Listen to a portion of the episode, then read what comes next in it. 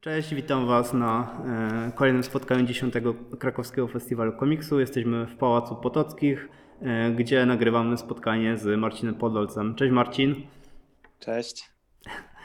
E, spotykamy się dzisiaj między innymi dlatego, że w marcu ukazał się Twój album Bajka i jej gang, który jest spin-offem Twojej serii Bajka na końcu świata. E, chciałem Cię spytać e, o to, jak e, Ci się pracuje w ogóle nad tą serią, bo wcześniej miałeś raczej takie albumy, które były one-shotami, raczej nie pracowałeś nad serią. To czy trochę Kapitan Sir gdzieś tam przez to, że była to seria jednoplanszówek, które się regularnie gdzieś ukazały, więc to była, był jakiś sposób seria, natomiast też jako album się to ukazało jako jeden tom, więc chciałem zapytać, jak Ci się pracuje nad tą serią i też e, gdzie ona zmierza i skąd pomysł na spin-off. Mhm. E, nad serią pra pracuje mi się zaskakująco dobrze. To było dla mnie takie duże odkrycie, bo właśnie robiłem te one-shotowe albumy wcześniej. I w momencie, kiedy zacząłem robić serię, co mnie samego trochę zaskoczyło, bo to jakoś nie była długo, wiesz, wymyślana decyzja, tylko po prostu zacząłem pewnego dnia robić album i, i, i tak powstała bajka.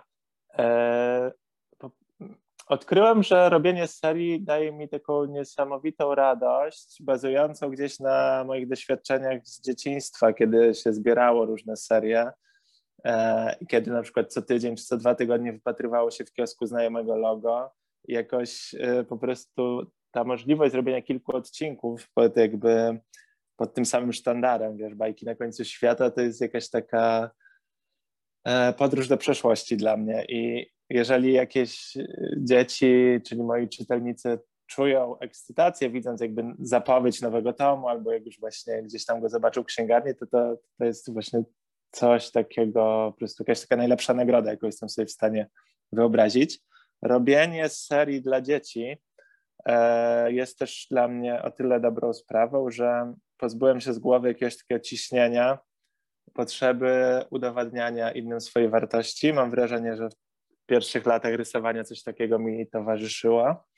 Z dużą zawziętością śledziłem recenzje moich komiksów, które się pojawiały. Jak ktoś był rozczarowany, to ja też nagle stawałem się rozczarowany swoim własnym komiksem i tak dalej, i tak dalej. No wiesz, to się wiąże z jakąś niepewnością debiutanta, z szukaniem własnej drogi, własnej kreski, własnego stylu opowiadania i tak dalej. Natomiast mam wrażenie, że e, robię tą bajkę jakoś tak poczułem się pewniej. Y, wiem, że robię to dla radości swojej dla radości dzieciaków, dla fajnych rozmów między rodzicami a dziećmi.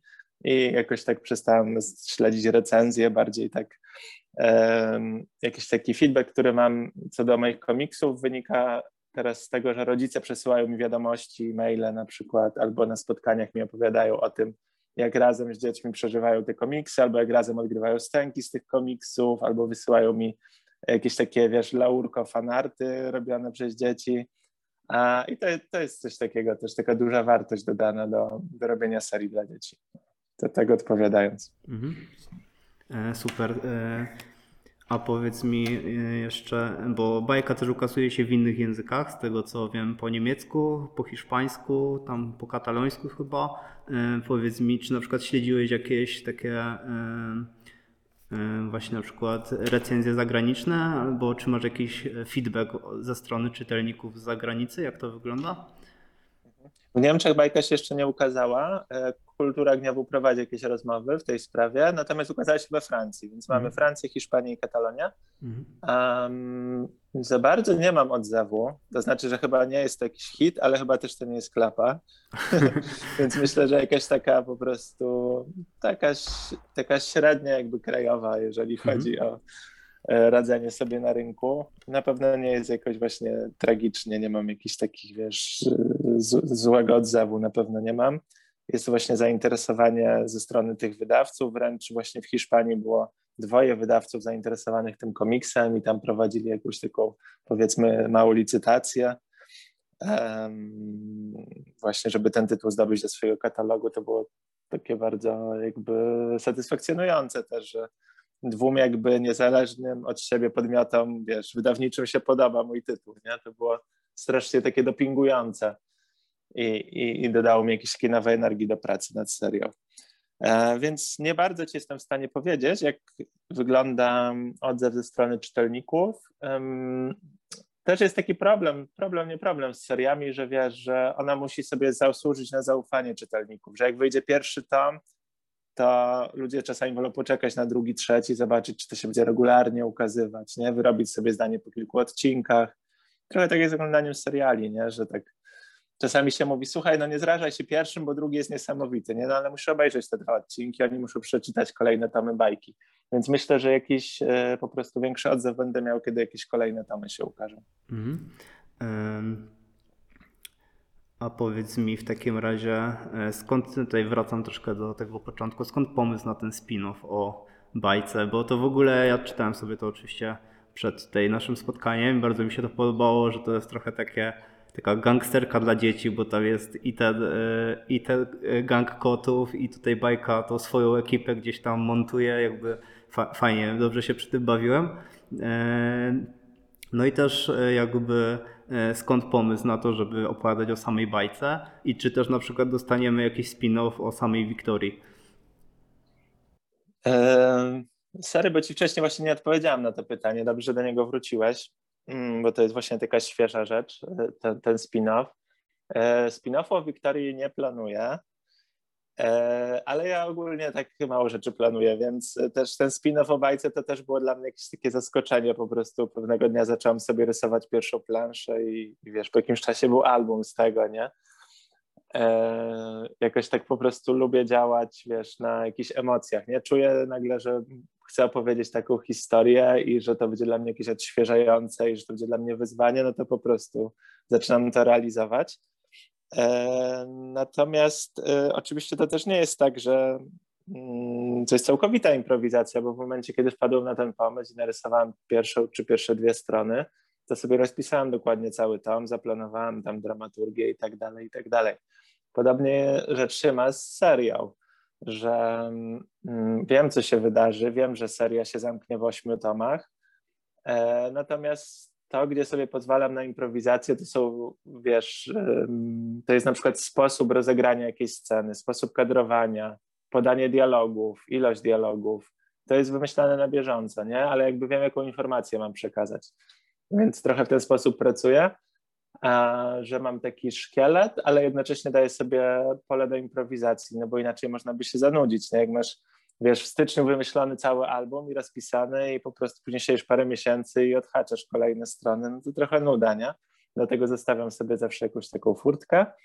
A, I też co do kolejnych spin-offów, to też gdzieś nie zamykam się na to, ale na razie po prostu nie ma takich planów.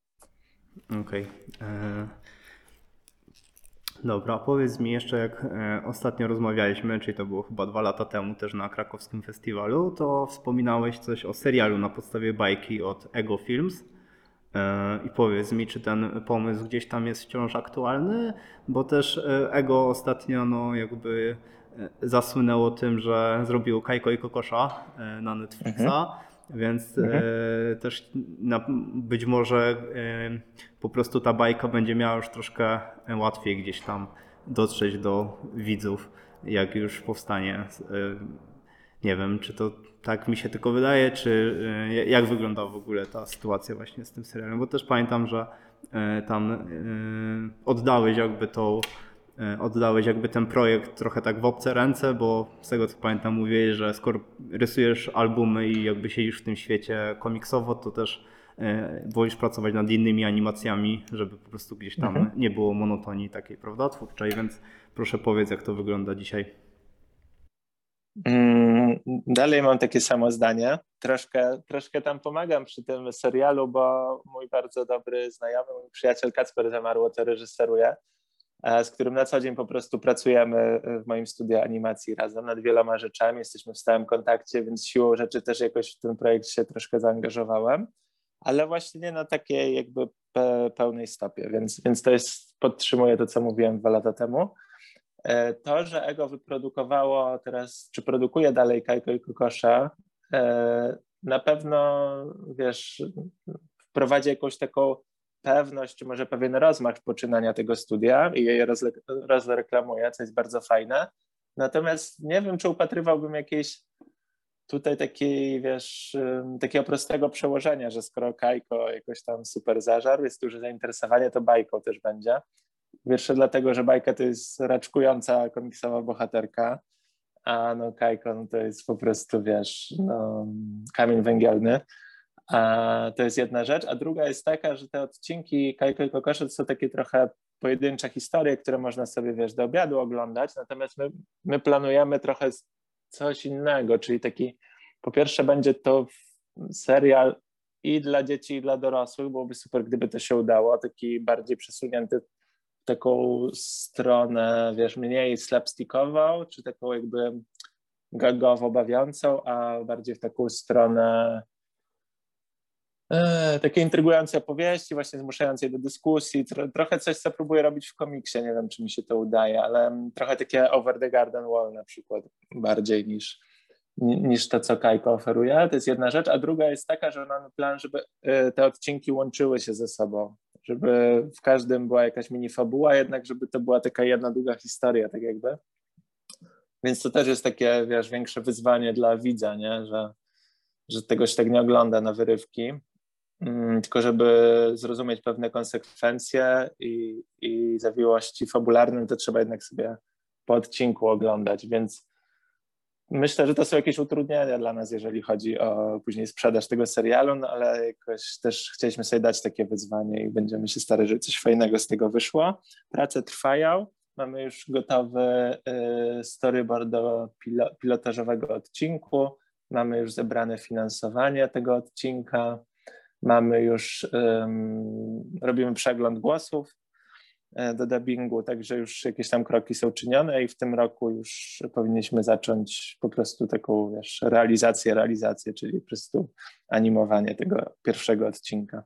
E, pro, powiedz mi proszę, e, no bo właśnie tak jak gdzieś tam ostatnio wyczytałem też Tapir Films, czyli właśnie twoje studio obchodziło czwarte urodziny.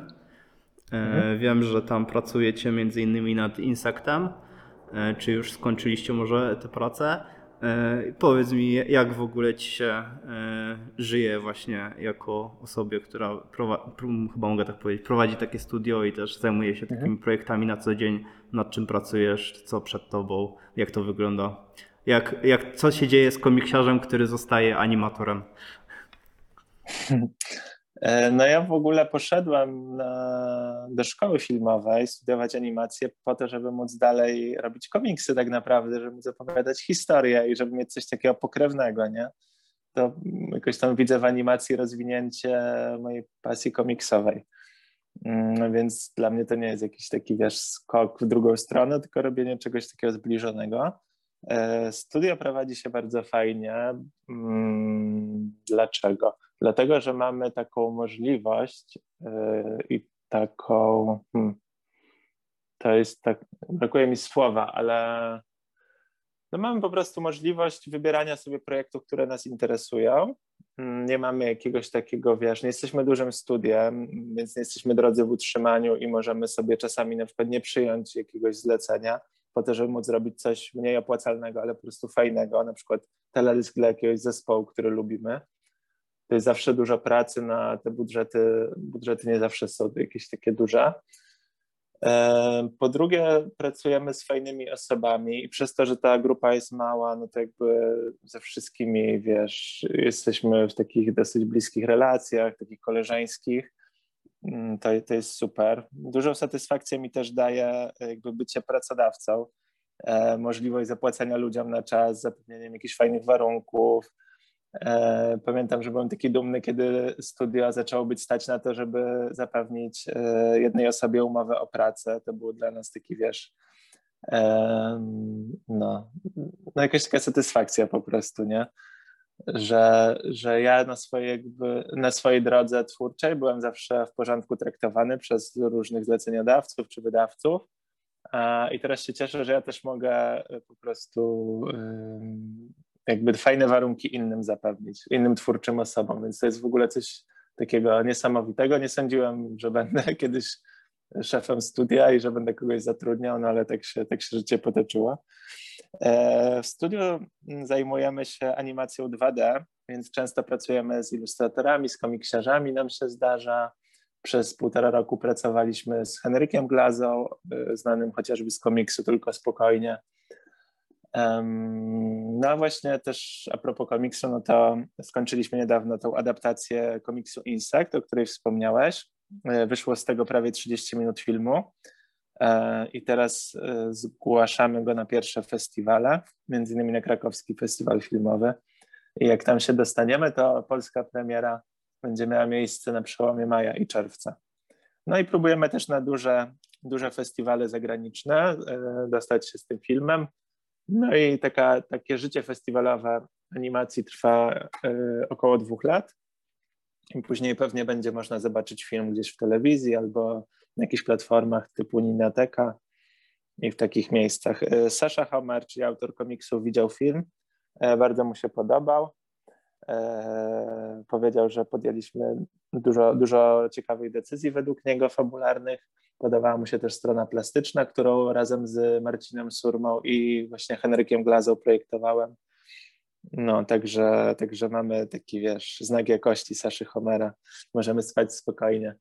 A tak na co dzień właśnie poza tym insektem, no to zajmujemy się produkcją krótkich metraży e, autorskich, e, robimy spoty do książek, dla dzieci, czyli też pracujemy z ilustracjami, właśnie robimy mm, animowane klipy, no i takie rzeczy. Raczej nie robimy reklam. Mhm. Mamy, mamy ten komfort. Super. To też y, trzymam kciuki za y, powodzenie Insekta na festiwalach zarówno polskich, jak i zagranicznych. No i też sam chętnie y, obejrzę, więc mam nadzieję, że gdzieś tam albo właśnie na jakimś festiwalu uda mi się go zobaczyć, albo no, że tam poczekam właśnie na premierę Spoko, dzięki za trzymanie kciuku, kciuku, bo bardzo się przyda, bo taki film 30-minutowy jest ciężko, żeby się dostał mm. na mhm. festiwal, dlatego że selekcjonerzy często wolą sobie, wiesz, wziąć pięć pięciominutowych filmów, Jasne. czy sześć mm. zamiast wiem, wiem, wiem. dłuższego, więc zaryzykowaliśmy, no ale takie mieliśmy poczucie, że ta historia po prostu wymaga mm. tego metrażu. Tego no. metrażu, no. pewnie. No i zobaczymy jakby co z tego będzie. Okej, okay, a powiedz mi, dodawaliście tam coś od siebie y, w, jakby w procesie adaptacji, czy to raczej wiernie podąża za y, komiksem? Wiesz co, dodawaliśmy. E, może tak, żeby wprowadzić e, widzów, którzy nie znają tego komiksu, no to rzecz się dzieje w takim zadymionym mieście i ten dym e, utrudnia czy uniemożliwia mm, mieszkańcom rozpoznawanie różnic między sobą. Jest taką trochę teatralną przeszkodą, taką trochę metaforą, nie? E, no i w tym zadymionym mieście mm, jakby wszyscy są równi, ale w momencie, kiedy właśnie e, postacie mm, czy bohaterowie wychodzą poza tą mgłę, no to wychodzą między nimi też jakieś różnice, chociażby w wyglądzie. No jest to taka historia o tym właśnie, co z nami potrafią zrobić uprzedzenia, co z nami może zrobić jakieś takie zaszczucie, jakaś taka, wiesz, tłaczana nienawiść. Co może się stać, kiedy boimy się obcych, na przykład, jak możemy zareagować. E, no, więc to jest jakby tak e, w dwóch słowach o insekcie. Mm, zachowaliśmy te elementy, o których przed chwilą powiedziałem, a dodaliśmy też trochę od siebie. Między innymi przez to, że film powstawał w, e, jeszcze w czasie pandemii, no to część bohaterów chodzi w maseczkach, co się jakby totalnie wiąże z tym, że to miasto jest pełne smogu, wiesz, dymu i tak dalej, więc to jest bardzo naturalne dla tej scenografii, ale jakoś tak to lśnienie przyszło dopiero, kiedy zobaczyliśmy ludzi na ulicach w maseczkach, nie? A, I to jest bardzo fajne, bo nawet taka dosyć ważna postać y, dla fabuły dostała, została wyposażona w maseczkę i to dodaje jej takiego po prostu jeszcze jakiegoś, wiesz, y, groźniejszego vibe'u, nie? E, I jakoś tak to wzięliśmy sobie stamtąd inspirację. Rozbudowaliśmy też wątek mamy głównego bohatera, to już tak może dla osób, które znają ten film. Powiększyli, e, które, które znają komiks. Powiększyliśmy miasto też w stosunku do tego, co było w komiksie. To jest bardziej taka, wiesz, zapuszczona metropolia, może coś takiego. Mm, przeprojektowaliśmy trochę postaci. No, no, trochę pozmienialiśmy, ale tak jakby oś jest, y, oś jest taka sama. Mhm. A powiedz mi proszę, czy jakiś na przykład zwiastun albo jakieś fragmenty będzie można gdzieś zobaczyć? Bo podejrzewam też, że no nie wszyscy załapią się, wiesz, na, y, na festiwale, Mhm. gdzie będzie mo- można zobaczyć ten film.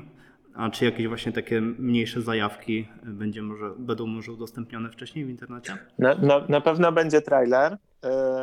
Są już jakieś takie drobne rzeczy na naszym Facebooku. Pewnie jeszcze będzie bliżej jakiejś premiery, no to czy jakichś pokazów, to będziemy wrzucać trochę więcej ujęć, ale na pewno na naszym Facebooku będzie można trochę materiałów zobaczyć.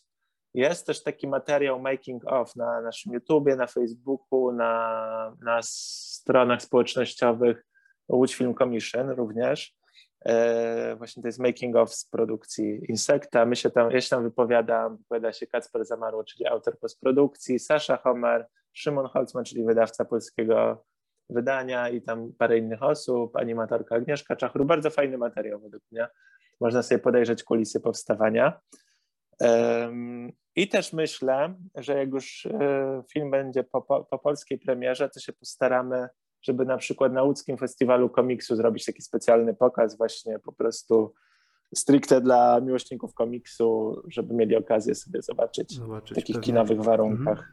Jeżeli, no jeżeli oczywiście mm, jakby na miejscu w Łodzi festiwal się odbędzie w tym Tak, roku. tak, tak, tak, tak. Byłoby super. E, Dobra, a powiedz jeszcze, czyli e, te rzeczy, e, wspomniałeś o tych mediach społecznościowych i tak dalej, czyli po prostu Yellow Tapir Films na Facebooku, tak, e, YouTube, Mhm. Facebook, okej. To tak, e, bo może nie wszyscy, nie wszyscy wiedzą, jak cię tam szukać. I też ja w ogóle mam wrażenie, że wcześniej przekręciłem nazwę e, tego studia i mówiłem Tapir Films, ale dobrze, jeśli tak było, to No, nie, przepraszam. nie szkodzi. E, Dobra. E, powiedz mi jeszcze, e, proszę cię, jak to wygląda? E, jakie są może różnice między pracą właśnie przy filmie animowanym i przy komiksie? Pewnie poza tym, że e, przy, e, przy e, filmie pracuje prawdopodobnie większa grupa ludzi i też bardziej się dzielą zadaniami, a i też na efekt trzeba pewnie poczekać nieco, nieco dłużej, chociaż to różnie bywa, bo niektórzy też komiksy robią kilkanaście lat, więc róż, różnie, ale to jakbyś mógł tak z twojej perspektywy, jak to wygląda, co ci, nie wiem, czy jest coś, co ci na przykład daje więcej radości, czy to na przykład jest tak, że e, raz to, raz to i się to zmienia, jak to wygląda? Znaczy, mam wrażenie, że tyle już zrobiłem komiksów, że one są jakoś tak w moim krwiobiegu, nie? Że ja po prostu nie myślę o tym, że robię komiks, nie mam takiego, wiesz, nigdy poczucia, że się męczę na jakimś etapie robienia komiksu, że nad czymś się muszę jakoś bardzo zastanawiać. Bardziej się po prostu cieszę, kiedy uda mi się jakiś fajny kadr zakomponować, albo kiedy widzę, że jakiś, wiesz, jest fajny flow w scenie. To, to są po prostu jeszcze takie dodat, dodatkowe małe radości. No w animacji jest bardziej, wiesz, e, właśnie tak jak wspomniałeś, złożone, no bo faktycznie jest iluś tam współpracowników. Mm, Trzeba sobie znaleźć finansowanie też, żeby tych współpracowników opłacić.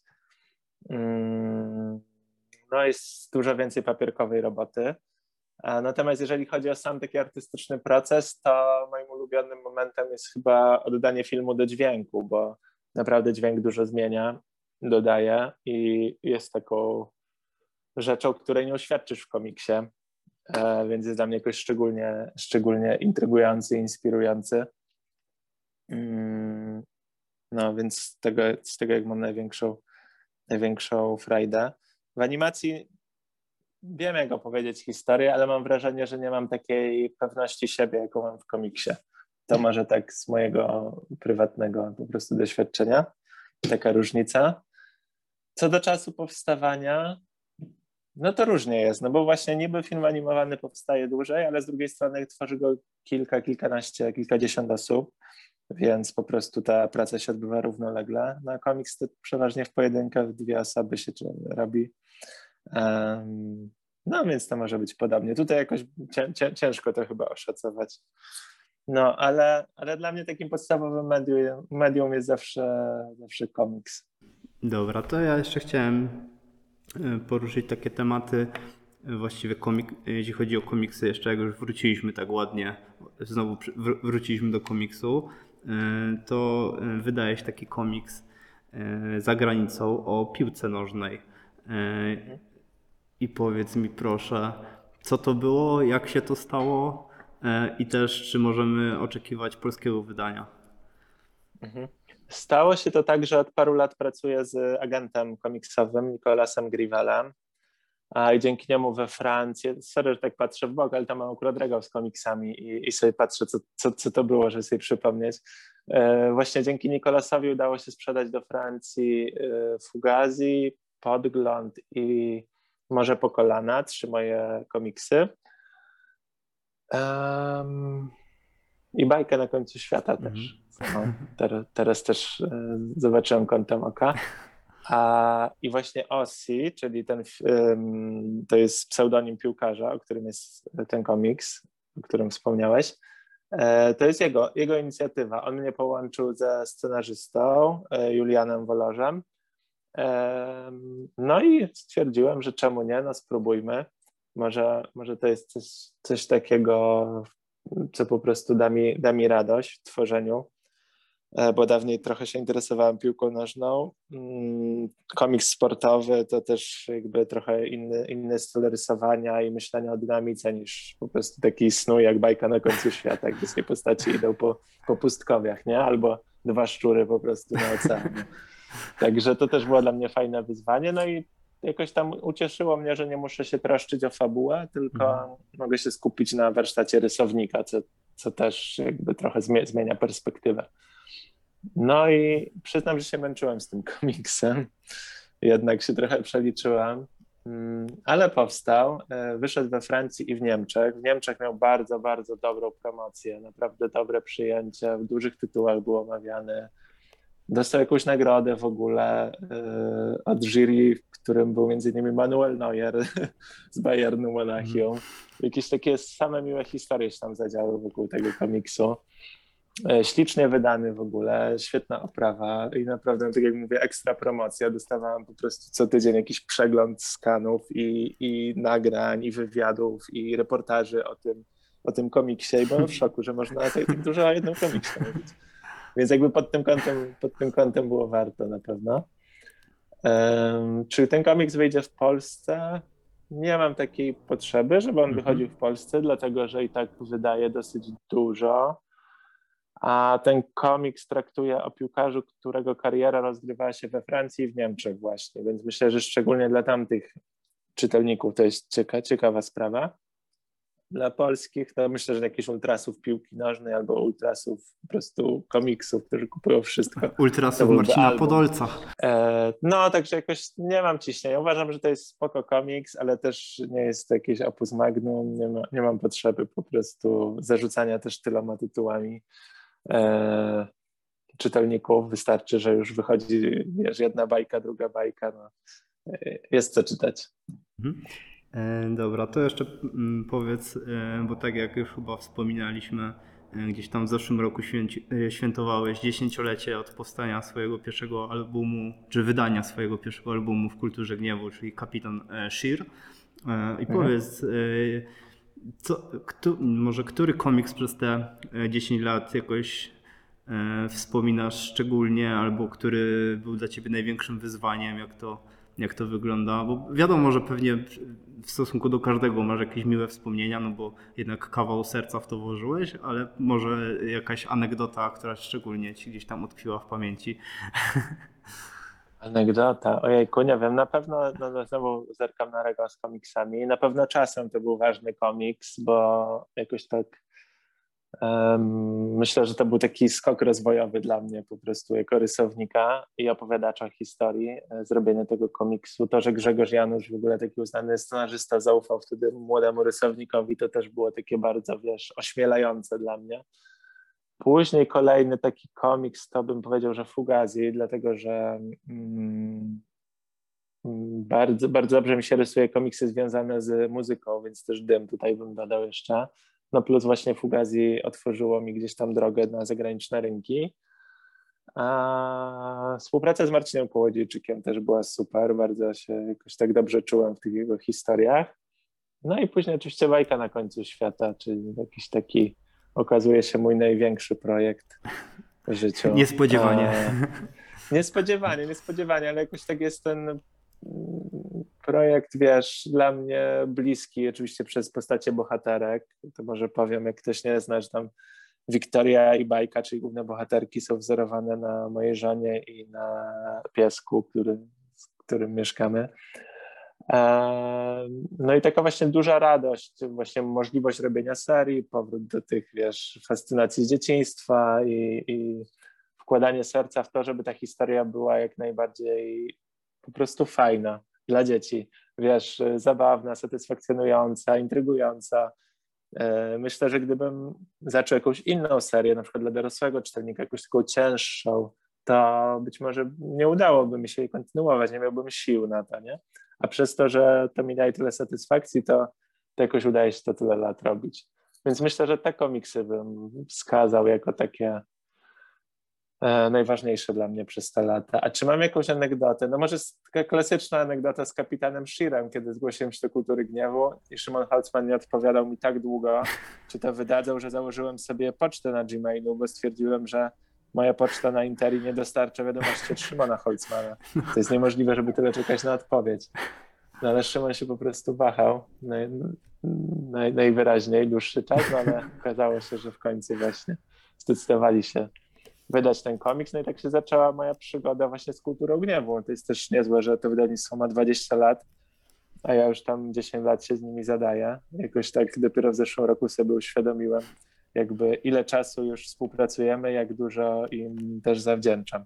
Mhm. Bo też y, wydają chyba wszystkie twoje albumy, prawda? Jeden, jeden komiks się ukazał w wydawnictwie Wielka Litera, z, A to, komiks z Marcinem Kołodziejczykiem. Tak, tak, tak przez postać scenarzysty to po prostu y, Jasne. się rozegrało. Ale też wtedy współpracowałem z chłopakami z Kultury Gniewu. Na przykład Jarek Składanek y, złożył nam ten komiks do mhm. druku. Nie? Mhm. Dobra, to może E, jeszcze takie pytanie, bo już wiemy, co tam się działo przez te 10 lat. Wiemy, że gdzieś tam masz w planach skończenie bajki na e, ósmym tomie, tak jak wspomniałeś. Mhm. I co jeszcze przed tobą komiksowego? Czy masz już jakieś plany, czy już się zastanawiasz, czy na przykład wiesz, że po tej e, serii dla dzieci znowu będziesz chciał wrócić na przykład do jakiegoś albumu, który znowu na przykład będzie związane z muzyką, bo tak jak wspomniałeś, daje, dawało ci to dużo satysfakcji. Czy już coś planujesz, czy czekasz na jakiś temat, który gdzieś tam z nienacka się pojawia, pojawi i, i, i wtedy e, się za niego może jakoś weźmiesz? Jak to wygląda? No to chyba zaczęliśmy od tego naszą rozmowę, że moim pierwszym, takim najbliższym planem komiksowym jest nie robić chwilę komiksów i sobie odpocząć. um, ale tak właśnie oprócz skończenia bajki, to gdzieś tam chodzi mi po głowie komiks o koszykówce, dla, dla dorosłego czytelnika. Mhm.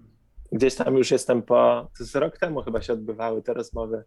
Rozmawiałem z Szymonem Holzmanem, przedstawiałem mu taki plan wydarzeń w tym, w tym komiksie, dyskutowaliśmy o tym, dogrywaliśmy trochę osobowości bohaterów, e, ale no chyba od roku nie zaglądałem do tych, do tych zapisków.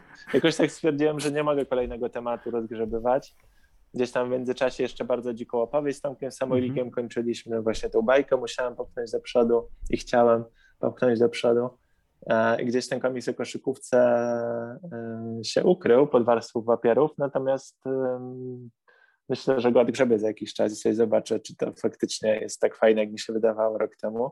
Jeżeli tak, no to też e, z, z, myślę, że z dużym zapałem do niego siądę, bo mm, sam grałem parę lat w koszykówkę i i na pewno to też będzie dla mnie taka podróż sentymentalna, po prostu rysowanie, wiesz, jakichś meczów, treningów, mm. sytuacji z szatni, z jakichś wyjazdów. Myślę, że to może być coś fajnego. Super, dobra. E, to jeszcze na koniec takie tradycyjne pytanie, trochę luźniejsze. E, co Marcin Podolec czyta, ogląda, czym się inspiruje? Czy coś polecasz takiego, wiesz, z tekstów kultury w ostatnim czasie. Z tekstów kultury. Co, co warto. Bardzo, warto bardzo, wiesz, bardzo, bardzo um, się cieszę, że parę lat temu zaczęło działać takie wydawnictwo literackie, co się nazywa Pauza, bo zacząłem sobie zbierać e, ich e, powieści, które wydają. I jakoś tak e, otworzyło mnie to na nowo na czytanie powieści. Miałem jakąś taką e, miałem taki czas, że właśnie czytałem raczej reportaże, albo wolałem obejrzeć jakiś film czy serial, poczytać komiks, jakoś tego odpowiedzi mnie odrzuciło, natomiast to, co wydaje pauza jest często po prostu no, znakomite albo bardzo dobre. Naprawdę no, nie wiem, jak ta pani Anita, właścicielka wydawnictwa to robi, ale ma jakiś taki zmysł do, do autorów, taką selekcję, że naprawdę z dużą przyjemnością śledzę ich kolejne tytuły. No to to mogę polecić. Jak tak ostatnio przyglądałem się mojej kupce wstydu komiksowej, no to głównie tam rzeczy z kultury gniewu widziałem. E, I też na przykład od Timofa, um, ojejku, wyleciał mi tytuł, chyba Złoty Wiek się nazywa, tak? Mhm, Cyryla tak. Pedrosy. Mhm. Drugi tom też czeka, też czeka na mnie. Trochę sobie sprowadzam komiksów e, z Francji, żeby być tak e, na bieżąco z tym, co się tam dzieje. Nie, nie czytam po francusku niestety, ale sobie próbuję śledzić jakoś tą ich narrację. No ale te, no, do tego nie mogę za bardzo polecić. No, a, a filmowo, filmowo... Filmowo polecam Insekta oczywiście, Mhm. jak będzie okazja na jakimś festiwalu. Super. Dobra, dziękuję bardzo Marcin za e, rozmowę. Mam nadzieję, że Cię nie zanudziłem e, i pewnie będzie jeszcze okazja kiedyś pogadać. Tak, dwa lata temu rozmawialiśmy, to też. Co dwa Właśnie. lata, możemy Tak, sobie tak, taki, tak. Ten, tradycję. I akurat się, wiesz, uzbiera trochę materiału przez te dwa lata, żeby, wiesz, nie zadawać tych samych pytań w kółko. E, Dzięki Marcin. E, Dziękuję też widzom. Znajdowaliśmy się w Pałacu Potockich, gdzie rozmawialiśmy z Marcinem Podolcem podczas 10. Krakowskiego Festiwalu Komiksu. Do zobaczenia.